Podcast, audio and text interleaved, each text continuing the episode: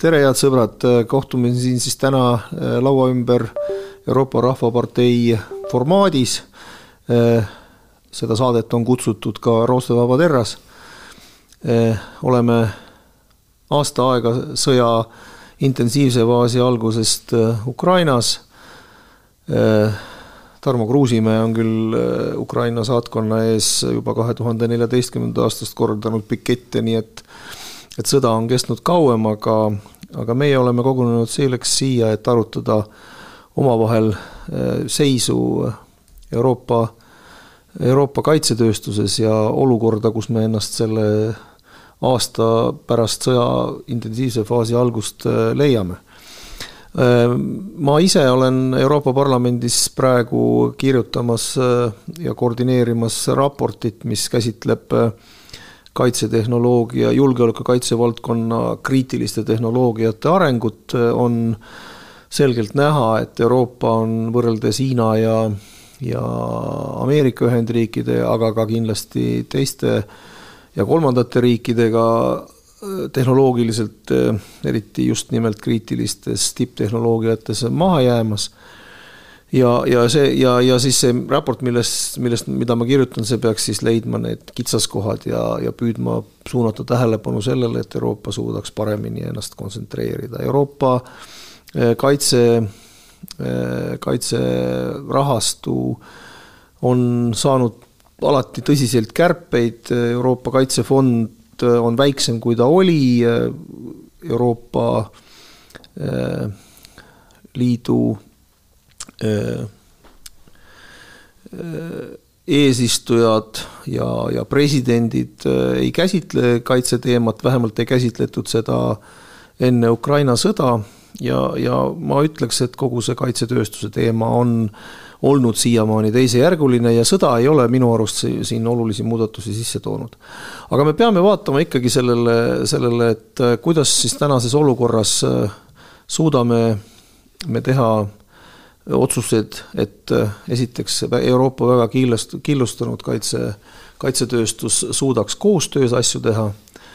teiseks, äh, mis on praegu selgelt näha, on, et, äh, et loomulikult on lihtsam toota, loomulikult on lihtsam toota tanke, mis on viiskümmend aastat tagasi juba välja mõeldud ja kui neid on vaja, siis nad toovad raha sisse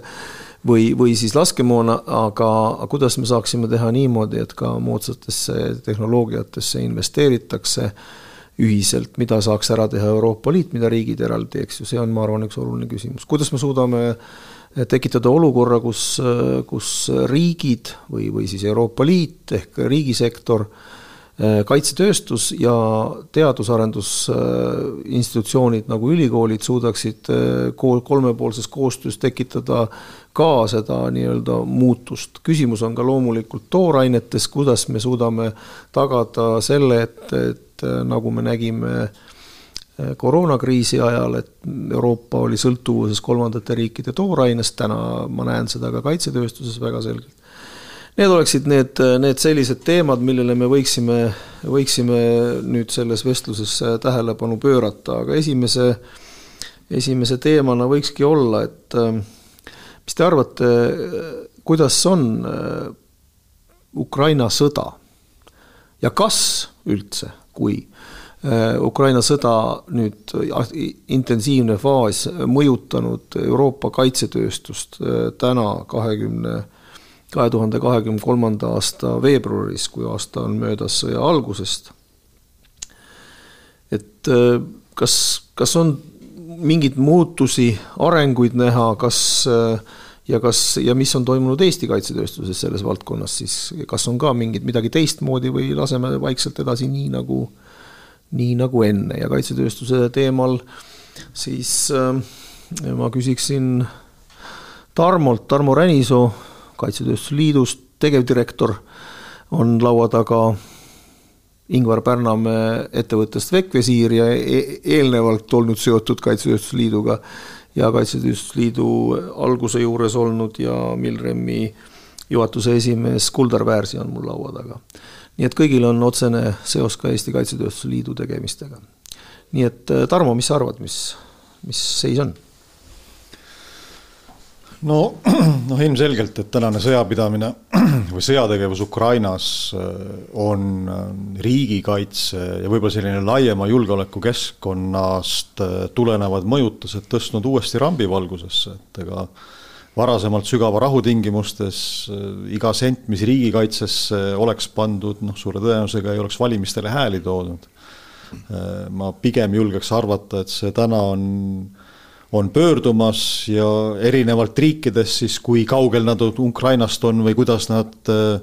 Vene Föderatsiooni poolt tulevat ohtu tunnetavad, eks see on siis pöördvõrdeline siis nende muutuste kiiruse ja investeeringute suurusega võrreldes rahvusvahelise koguproduktiga, et, et, et ma arvan, et see muutus tuleb, see, see on käimas juba äh, minu andmetel eelmisel aastal, tõsi, veel ühegi suurele Euroopa kaitsetööstus kontsernile ühtegi riiklikku tellimust ei tulnud, noh, sellest me võime täiesti eraldi muidugi arutada, et miks see nii on ja kas see võiks teistmoodi olla. Äh, aga noh, olemuslikult oleks kindlasti oodanud, et selline, äh, selline muutus ja, ja, ja taotluste esitamine ettevõtetele või tellimuste esitamine ettevõtetele oleks toimunud oluliselt kiiremini, et et, et noh, lõppkokkuvõttes ka ettevõtted peavad sellest rahuaja tingimusel tootmisest tulema tagasi sõjaaja tingimustes tootmisele ja see igal juhul eeldab nagu kolossaalseid investeeringuid mm. -hmm. kuidas teie poolt vaadates tundub? No mina ütleks enda poolt, et äh, muudatus igal juhul on toimunud, et selles mõttes ei saa öelda, et äh, midagi ei ole muutunud, et äh, ütleme, startup'i vaatest ma ütleks, et on näiteks üks muutus selgelt, mis on toimunud see, et, et kaitsetööstus kui selline üldse on tulnud lauale ja muutunud ka nähtavaks tööstusharuks, mis varem võib-olla see päris tingimata niimoodi ei olnud, et eriti kui rääkida rahade kaasamisest näiteks, mis on ühe ettevõtte käivitamiseks hästi oluline teema. Et see on kindlasti sellisele tärkavale ja noorele innovatiivsele ettevõtlusele väga kasulik olnud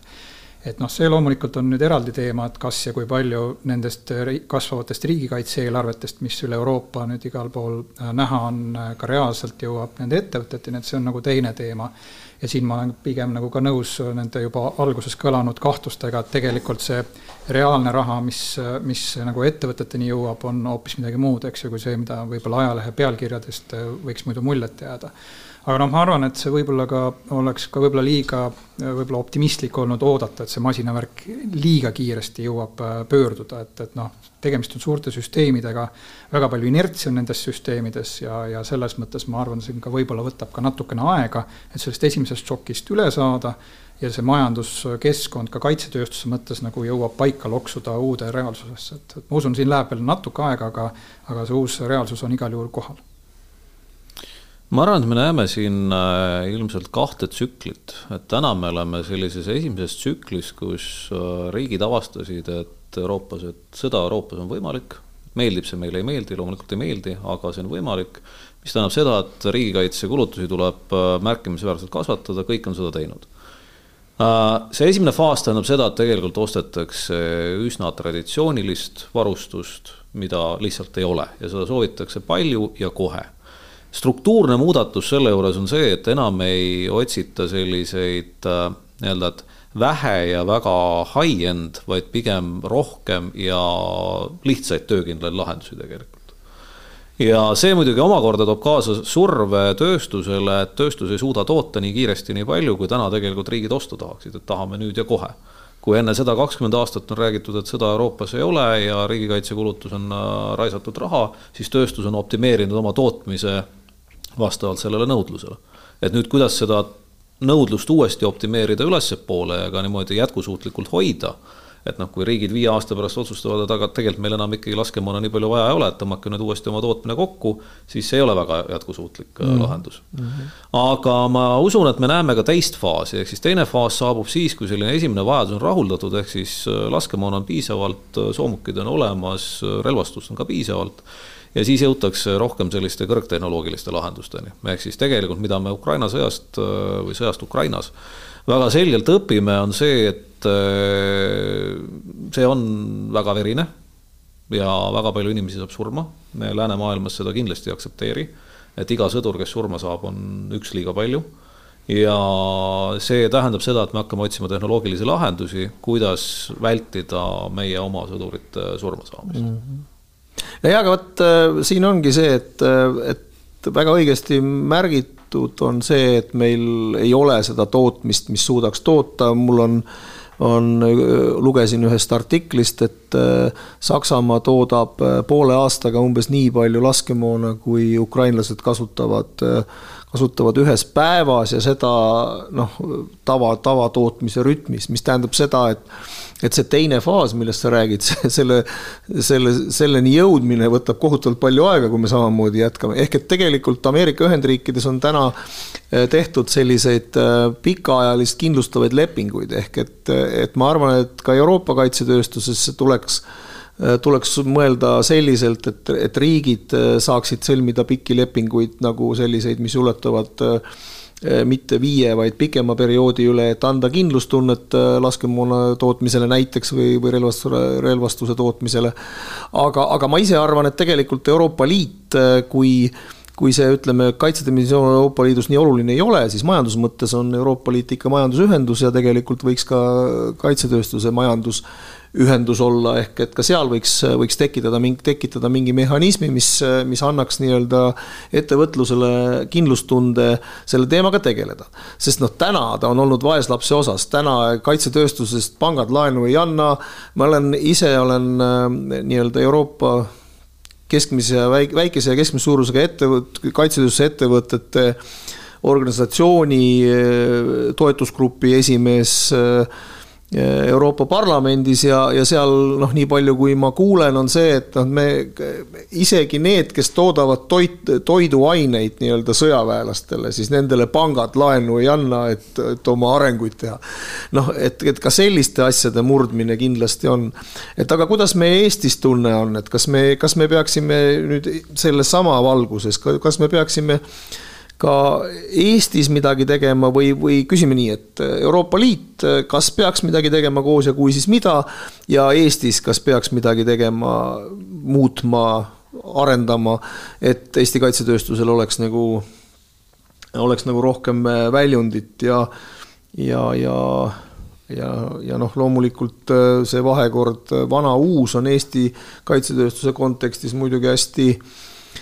hästi keeruline, sest me põhiliselt teemegi ainult innovati-, innovaatilisi lahendusi, aga siin tekib ka küsimus, et miks mitte hakata tootma ka võib-olla laskemoona või noh, see on kindlasti üks debati osa täna kindlasti rohkem, kui see kunagi varem on olnud. no noh, ei ole saladus, et täna vähemalt üks Eesti Kaitsetööstusliidu liige on äh, koostamas sisuliselt äriplaani laskemoona tootmiseks Eestis Äh, noh, kokkuleppeliselt nendega ma arusaadavalt seda ettevõtet veel ei ava, aga, aga noh, me räägime ikkagi suurekaliibrilisest siin. Äh, ja vaatame, mis sellest välja tuleb, eks ole, et, et, et aga noh, loomulikult ma selles mõttes sekundeerin sulle, Riho, et, et kõik need eelnevad faktorid, mis sa esile tõid, ka ettevõttele vaja investeerimiskindlust ja see eeldab ka mingisugust suhtlust siis äh, riiklikul tasandil ja ma ei pea isegi siin silmas ainuüksi nagu Eesti riigiga suhtlust, et see on nagu palju, palju laiem nagu vaade, et Äh, ma võib-olla ühest küljest sinuga ei nõustuks, sest noh, mul on, mul on tunne, et leping ei sõdi. et kui meil on mingi laskemoona raamleping, mida me siis lehvitame ja ütleme, et, et vot kui sõda tuleb, et vot siis meil hakatakse laskemoona selle raamlepingu asu-. tead, ega ma seda ei öelnud, ma pigem ütlesin seda, seda, seda pikaajalist lepingut, ma mõtlen seda just selliselt, et riik ütleb, et ma ostan sellelt ettevõttelt sellise arvu laskemoona selliste aastate jooksul ah,. punkt. jah, et see on väga hea täpsustus. ja et ma, et ma ei tee mitte lepinguid, et hakake tootma siis, kui vaja on, vaid et ta, ma saan kindlustunde, et ma ei tee omal kümmet tehast valmis ja siis ühel nõus. hetkel mul ei ole selles tehases midagi nõus, toota. ja, ja, ja, ja noh, tunda on ka, et ka Eesti on nagu sellest varem siin väga palju afišeeritud, et meil on raamleping ja kui midagi juhtub, et siis kuskilt äkki võib-olla mingil ajal midagi meile tuleb, sellest dilemmast on üle saadud ja määrab ikkagi see, mis meil Eesti riigis kohal on, ega lõppkokkuvõttes me oleme ju toiduahela tipus, et et ka siin palju reklaamitud Rail Baltic ju logistilises mõttes ei aita meid mitte üks raas. et, et. ja kui relsi ei ole ja rongid ei sõida. ei no ei ole midagi lihtsamat rivist välja lüüa kui ühte raudteeharu, noh, et, et aga, aga Kuldari mõtet sidudes sellega, mis sina ka ütlesid täiesti nõustun Kuldari poolt toodud kaheetapilise sellise arengutsükliga, et kõigepealt vaatame, mis meil endal on, mida me kasutada suudame ja üritame nüüd teha esimeses kiirusjärjekorras seda, et neid oleks võimalik ka konventsionaalses sõjas kasutada. et, et loome nagu armeele ja, ja ühiskonnale seda kindlust ja iseendile ja sealt edasi siis vaatame, et milliseid uusi tehnoloogiaid rakendades me saame seda olemasolevat sõjalist võimet nagu kasvatada ja Euroopa Liidu mõistes minu kõige suurem ootus oleks võib-olla see, et selline väga valdavalt riikides olev protektsionism, mis puudutab kaitsetööstuse julgeoleku valdkonda, et, et kui me saaksime nagu sellest üle, et, et me noh, siin on mitmeid ettevõtjaid laua taga, et, et noh, proovige kuhugi teise riiki täna nagu pakkuda, noh, ei ole lihtne, et no ei ole lihtne, et seal tuleb vabandusi nagu külluse sarvest, miks selle peab jälle võitma kodumaine ettevõte, et et need oleks nagu minu sellised märguanded. Muidugi siit jätkates tegelikult, eks selles ongi selline paradoks, et ühtepidi me räägime seda, et tegelikult tööstusel on vaja pikaajalisi lepinguid, et oleks investeerimiskindlus, et tootmismahtusid kasvatada teisipidi meile kellelegi ei meeldi, et äh, see teine riik on protek-, protektsionistlik ja sõlmib sellise lepingu oma riigi ettevõttega, et, et noh, nüüd ongi, nüüd küsimus on selles, et kas siin oleks võimalik nii-öelda Euroopa Liidu tasandil sellest kuidagi teatud võtme, võtme nii-öelda võimetes nagu üle olla, ehk siis ma ei tea, tehagi konsolideeritud laskemoonahange, kus, kus nii-öelda lõpuks tarnivad ja toodavad kõik laskemoonatootjad, kes Euroopa Liidus asuvad Mm -hmm. et noh, sel juhul peab muidugi see kindlustunne olema, et ei juhtu nii nagu Šveitsi, kelle, kellega kaitsetööstuse toodang on ju maailma tasemel väga vinge, eriti laskemoona poole pealt. aga kasutada seda ei saa. sõjas kasutada ei saa. sõjas kasutada ei saa, et see on sihuke rahuaegne laskemoon, millega, millega midagi teha ei ole. no isegi sa tõid ennem Ameerika Ühendriigid ja Hiina veel võrdlusesse, et äh, selline majanduslikult ikkagi liberaalne riik, keda me oleme arvanud olevat USA samamoodi ju kaitsetööstuses tegelikult väga hoolikalt planeerib osariikide kaupa sisuliselt, et kus midagi tehakse, et noh, F kolmekümne viie hävitaja, mis on maailma moodsaim hävitaja, tehakse ju põhimõtteliselt kõikides osariikides peale Hawaii ja Alaska, et kõik saavad oma jupi sinna teha ja selles mõttes selline koordinatsioon tõenäoliselt ka Euroopa üleselt võiks teoorias olla võimalik. aga noh, selleks, et Euroopani jõuda, peaks muidugi ka kõigepealt kodus olema mingi baas olemas, et sa üldse seal Euroopa laua taga suudaksid äh, võrdväärselt esineda ja noh, Eestis ma näen ikkagi ka seda mentaliteeti, mis minu jaoks on natuke murettekitav, et, et me ise pisendame riigina iseenda nagu võimekusi juba igaks juhuks ette ära. ja ma kohtan üsna tihti sellist mõttemalli, mis ma leian, et on ikkagi ohtlik, et ah, me siin Eestis oleme nii pisikesed, me ei hakka mitte kunagi kasutama mitte ühtegi tehnoloogiat, meil ei ole ruumi siin ühegi tehase jaoks ja nii edasi. ja siis me kunagi ei jõuagi nagu selleni, et riiklikult keegi üldse mõtleks selle peale, et aga mismoodi neid skeeme niimoodi üles ehitada et, et selline ettevõtlus saaks Eestis üldse tekkida. nii et äh, ja noh, tuues ka veel, veel selle äh, poole siia juurde, et kui me tõesti peaksime minema väga suure vastase vastu sõtta ühel hetkel, loodame, et seda muidugi ei juhtu, siis tava äh, konventsionaalsete meetoditega me jääme igal juhul selle hätta, ehk seda enam oleks vaja meil leida innovatsioon, innovaatilisi lahendusi siin Eestis, kuidas uudsete lahendustega selle ülekaaluka vastase vastu saada. Ja minu arust selles mõttes see Eesti riigi mõtteloogika tuleks juba riiklikul tasemel ikkagi üle vaadata, et kas see päris on adekvaatne, mis siiamaani me oleme. ja noh, tasakaalukoht peab olema, eks ju, et me peame tunnistama, et sõdivad väga palju ka täna Ukrainas ikkagi konventsionaalsed viiskümmend aastat vanad tehnoloogiad. mulle väga meeldis see võrdlus, kus üks Prantsuse kindral ütles, et me saadame AMX kümned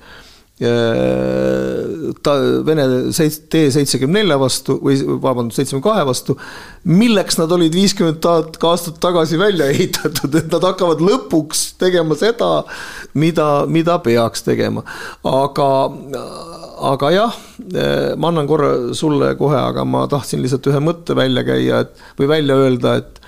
et see moodsate tehnoloogiate teema eeldab ka teatud ettevõtete enda riski, ma, ma näiteks, ma ei taha küll Treodile liiga teha, nad on päris ilusasti siin hakkama saanud, aga minu hinnangul vot see oleks see koht, kus, kus mina ettevõtte juhina läheksin Swedbanka, kes mulle laenu sealt ei anna, eks ju, aga ütleksin, et kuule, anna mulle laenu, ma teen oma tootmise suuremaks, ma, ma, sest see on see, mis täna Ukrainas, Aserbaidžaanis tõestatud, Ukrainas näitab kulu, äh, kuluartikkel, et äh, droonid, need nii-öelda nende poolt toodetud äh, droonid on, ma mõtlesin, et ütlen inglise keeles, aga seda ei ole vist mõistlik öelda, et nende poolt ja droon on muidugi eesti keeles, lennuvahendid, mehitamata lennuvahendid nende kulu, nende päeva kestvus on üks päev, kaks päeva, eks. noh, seda, see, see oleks asi, kus sa saaks tõesti nagu skaleerida, tekitada nii-öelda ka rahavoogu Eesti ettevõttele. aga selleks peab see ettevõte ise valmis olema, sest ma usun, et ukrainlased lähevad ja ostavad ja kõik need abistavad struktuurid lähevad, ostavad sealt, kus need asjad valmis on. mitte sealt, kus neid kahe aasta pärast kätte saab, aga nüüd. Ei nõus siin me rääkisime enne pikaaegsetest lepingutest, sest noh, minu tunnetus on, et pikaaegsed lepingud eelkõige katavad mahukaupa, eks ole, et laskemoona, ma ei tea, vorm ja söök ja nii edasi, et, et seal on need vaieldamatult olulised, aga sihukese tehnoloogia kaasamine. noh, ma arvan täna, et äh, suur osa NATO riiki, riike, ma kaldun arvamast, võtavad täna iga päeva kui õppetundi Ukraina sõjast, mismoodi seda tehnoloogiat kasutada, sest lõppkokkuvõttes ka need Ukraina sõjaväelased, kellega minul on võimalikult suhelda, noh, endiseid teenistuskaaslasi siin erinevatest äh, sõjapiirkondadest, kus äh, mul endal eelnevalt kaitseväel teenistuse jooksul on olnud võimalik viibida, minu endiseid õppureid, keda ma õpetasin, koolitasin, treenisin siis tehnoloogia on see nende arusaamade järgi, eh, mis loob neile eelused, eelise täna lahinguväljal, et kvantitatiivselt ehk tükiliselt nad mitte kunagi Venemaa vastu ei saa, noh, see, see on nagu võetud nagu noh, see on nagu selline alusvundament, mille peale kõik ehitatakse. ehk lõppkokkuvõttes need tehnoloogiad, mida nad täna küsivad, on ju tehtud selle eeldusega, noh, paneme hästi piltlikku teksti, et et, et keerutada oma luuretsüklit kolm-neli korda kiiremini, kui vastane suudab teha, ehk oma nagu vähendatud, aga täpsemaid ähm, ähm, kaudtulesüsteeme näiteks, noh, see palju kiidetud ka HIMARS, noh, sellest võib täiesti eraldi, eks ole, rääkida, suudab siis seda objekti või seda koordinaadipunkti tabada ja tabada nii-öelda efektiivsusega sada protsenti, et et ja see on tehnoloogiasse nagu investeerimine ongi siis see, mis sulle loob nagu selle uue edu ja ma arvan, et sellised äh, Lääne-Euroopa suured sõjaväed täna püüavad ise alles endale seda pilti ette luua, et, et milliseid tehnoloogiaid, kui palju, millises ulatuses ja millises lahingutegevuse kontekstis nad peaksid kaasama, et, et see on, ma arvan, see on suur ja filosoofiline arutelu, mis praegu käib. nojah, aga kokkuvõtteks on ikkagi küsimus ka selles kõige, kõige standardsemas laskemoonas kui sellises ja ka seal on vaja mingisugust, ma olen ise olnud aastaid Eh, kui mu käest on küsitud, et kuule, hakkame Eestis laskemoona tootma, ma olen ikka öelnud, et kuulge, sõbrad, et me toodame Eesti vajaduse eh, noh, nädalaga täis ja mis me siis teeme, mis see ettevõte siis tegema hakkab. aga täna ma näen küll seda perspektiivi ausalt öeldes, et esiteks tundub, et on väga vaja ka ja tuleb seda riski võtta. aga teiseks ka see, et kui, kes esimesena rohkem toodab, see saab müüa ka kõikidele teistele, sest täna kõik teist, kõigil teistel on puudu. muide, üks fakt ühe, tähendab kergete tankitõrje granaadiheitjate äh, nõudlus on tõusnud kaheksateist korda. ehk ükski ettevõte täna Euroopas ei suuda toota tankitõrjelaskusid sellises mahus, et sellest piisaks. ja, ja, ja ja seda sellepärast väga selgelt, et noh, keegi ei ole kunagi arvanud, et neid kellelgi vaja võiks minna, ehk et noh, ütleme mõned üksikud riigid nagu Soome, Eesti,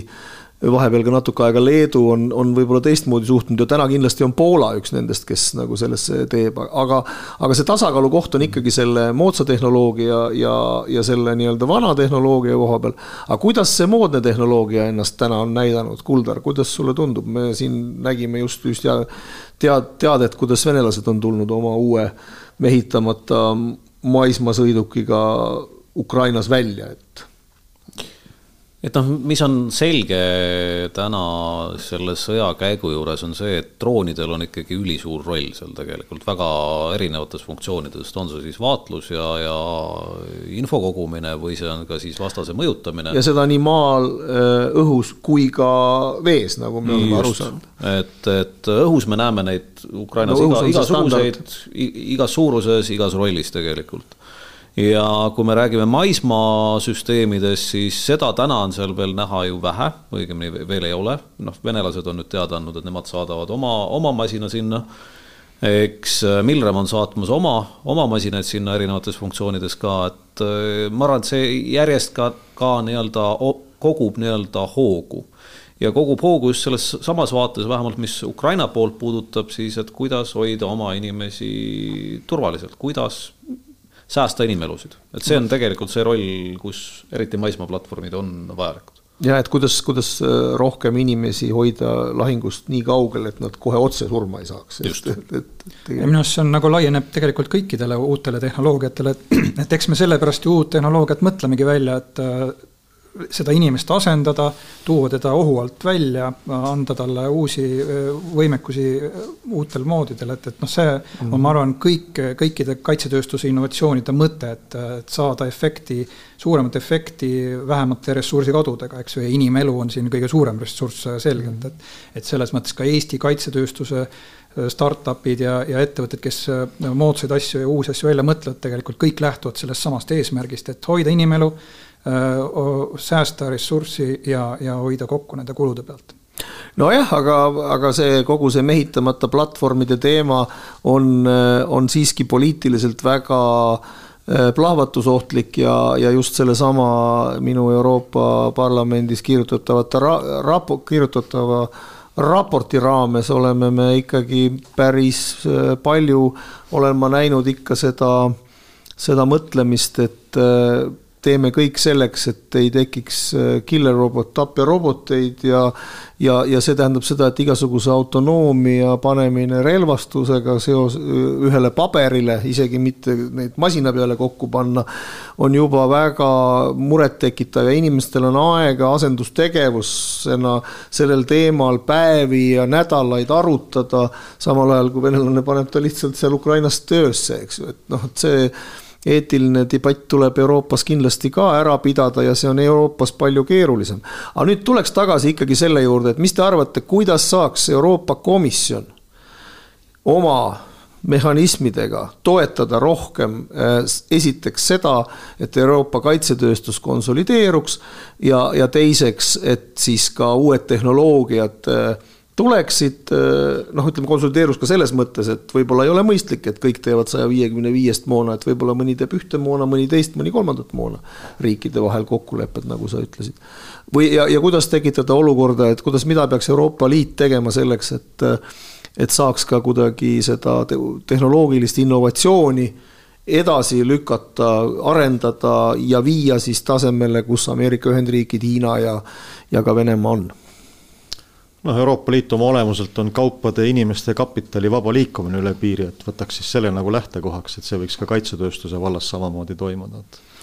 et mul nagu paremat rohtu ei ole nagu praegu. see on küll olnud. väga optimistlik vaade, aga see on, et eesmärk on õilis, aga kuidas seda saavutada, on see, mis siin see, see koht on, kuidas, kuidas öelda Prantsuse ettevõtetele, et täna nad peavad hakkama Saksa ettevõtetega koos asju tegema. okei okay,, see veel on isegi lihtsam, keerulisem on, et siis nad võtavad tõsiselt ka Sloveenia ettevõtet või Eesti ettevõtet. tegelikult täna see mehhanism on peaaegu et olemas, et ega Euroopa Kaitsefond suuresti ju seda tagab. et kui me Kaitsefondi programme, projekte vaatame, siis esiteks on eeltingimus see, et mingi arv Euroopa Liidu riike lepivad omavahel kokku, mis on nii-öelda tingimused sellele tehnoloogiale, mida tuleb arendada. Nad peavad selle kokku leppima, muidu Euroopa Liit raha ei anna selle projekti jaoks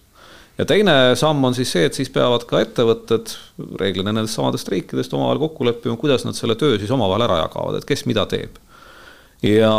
täna ikkagi see on tekitanud olukorra, kus ka suured sellised Nexter või KMV või, või Safran tegelikult sellistes projektides otsivad väga selgelt väikseid ettevõtteid nendest riikidest, kellega koos seda tehnoloogiaarendust teha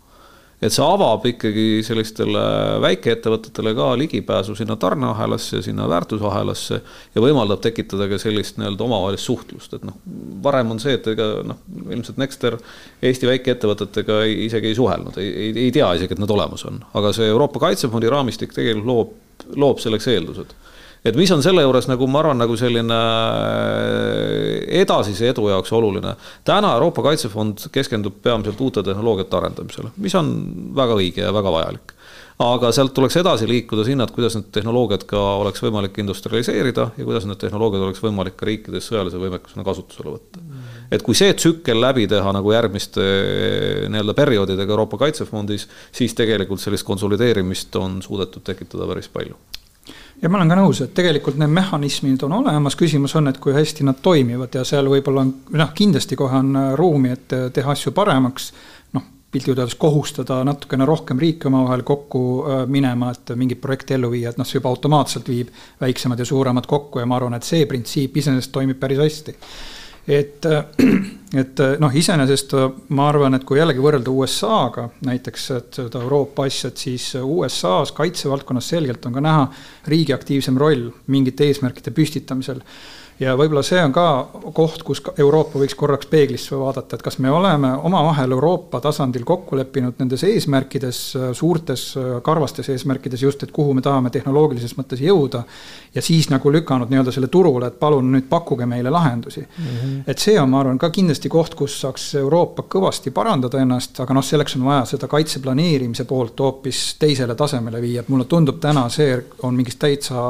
noh, rütmis, mis ei vasta tänasele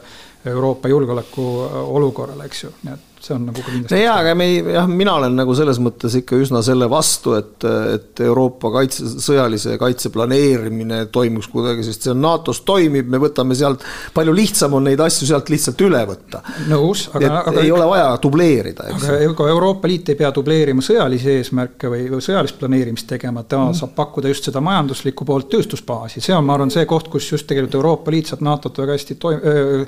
tasakaalustada või isegi täiendada selles mõttes, et ilma, et ta dubleeriks midagi. jah, aga see nõud-, nõudmise teema ikkagi, see võiks tulla ikka just nimelt äh, just nendelt riikidelt, kes siis NATO-sse kuuluvad ja, ja, ja millised on need, need valdkonnad, kuhu investeerides. tähendab, see konkreetne kon-, konkreetne raport, mida me praegu kirjutame, just sellele nagu tähelepanu pöörab, et eh, kriitilised kaitse ja julge-, julgeolekutehnoloogiad tuleb kõigepealt tuvastada, öelda, mis need on, mille peale me tahame panna. ja siis tuleb välja mõelda, kuidas me seda teeme nii, et seal siis ka mingisugune kvalitatiivne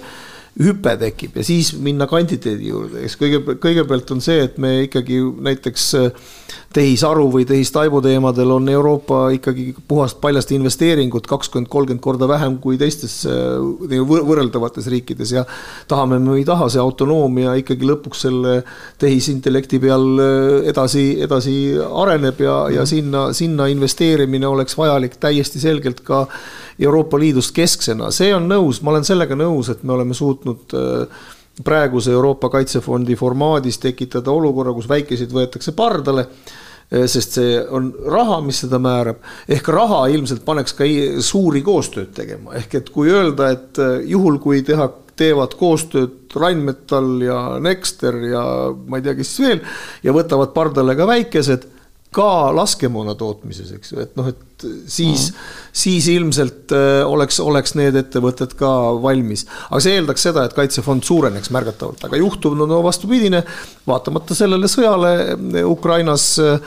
Euroopa Komisjoni president von der Leyen oma viimases kahes kõnes pole kaitsedimensiooni kordagi isegi mitte maininud, nii et et arenguruumi meil on, meil on siin tegelikult äh, selles valdkonnas kõvasti. ja loomulikult täna on äh, õigesti viidatud, kaitse-eelarved suurenevad.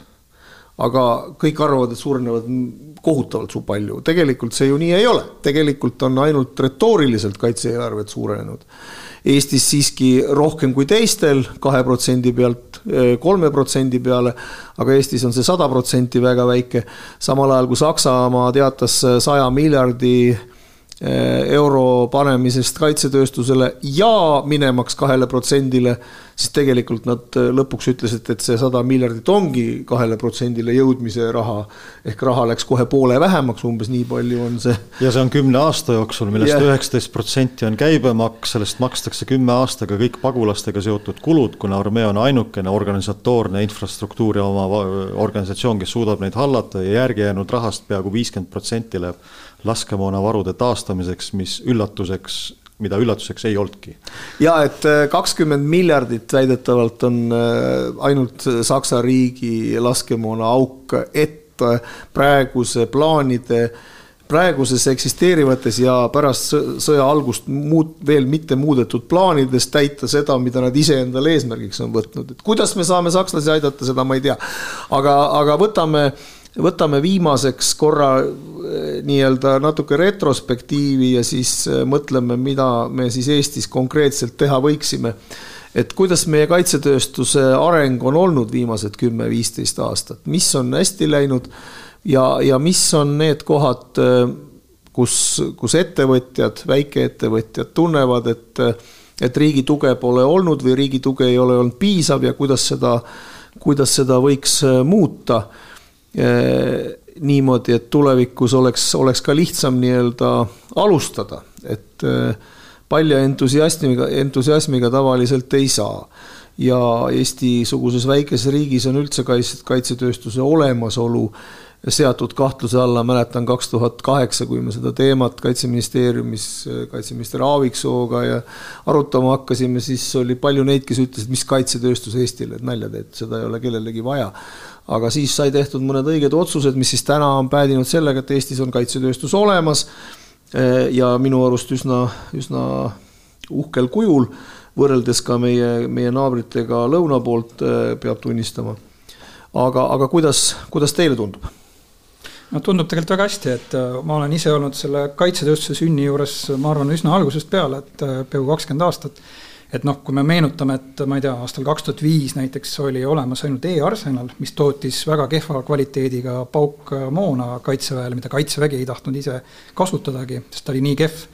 ja samal ajal oli võib-olla veel mõni üksik äh, nii-öelda üksiküritaja nagu Heli ja Englo veel tol ajal, et siis see oligi Eesti kaitsetööstus, mida keegi ei teadnud Äh, kaks tuhat seitse. ja noh, mis seal salata, heli oli oma tehnoloogiaga kakskümmend aastat äh, ajast ees. tõenäoliselt jah, nad tegid juba tol ajal UAV-sid. Nende UAV-d on, on need, mis täna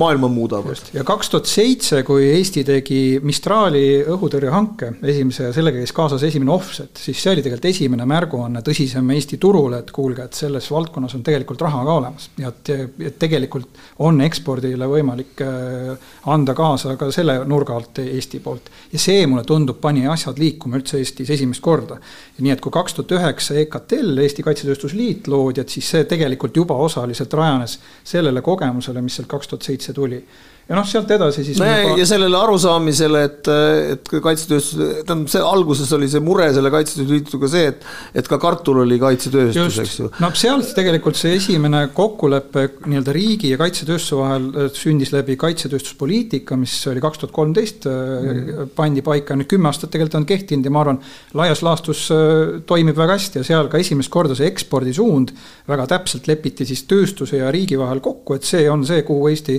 kaitsetööstus peaks vaatama ja ma arvan, et noh, see on nagu väga palju pannud äh, aluse sellele edule, mis me täna näeme. aga on siis äh, ka murekohti, kui ja ma alustaks ikka heaga, ehk siis positiivsest, et ei, tegelikult ma arvan, et see, see fookus eksporditurule, see on noh, nii ilmselge Eesti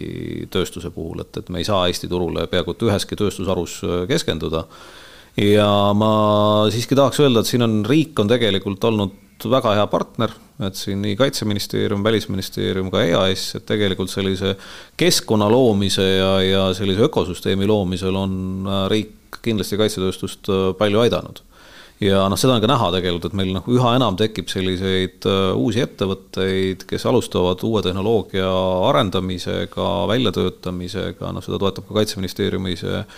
arendustoetuste meede ja nii edasi, et see on, see osa on tegelikult, ma arvan, täna, täna väga hästi, et kümme aastat tagasi kõike seda ei olnud tegelikult, et äh, kümme aastat tagasi ei olnud isegi võimalik Kaitseväega mõistlikult rääkida, et, et kas üldse tasub seda asja teha või ei tasu teha, et täna on selleks ka formaat olemas. no kümme aastat tagasi oli juba päris hea, ütleme, läheb viisteist aastat tagasi, sest et kümme aastat tagasi oli juba kaitsetööstuse äh, poliitika, nagu öeldud, kaks tuhat kolmteist, et see on kümme aastat tagasi, et see on viisteist aastat tagasi. aga probleem äh, on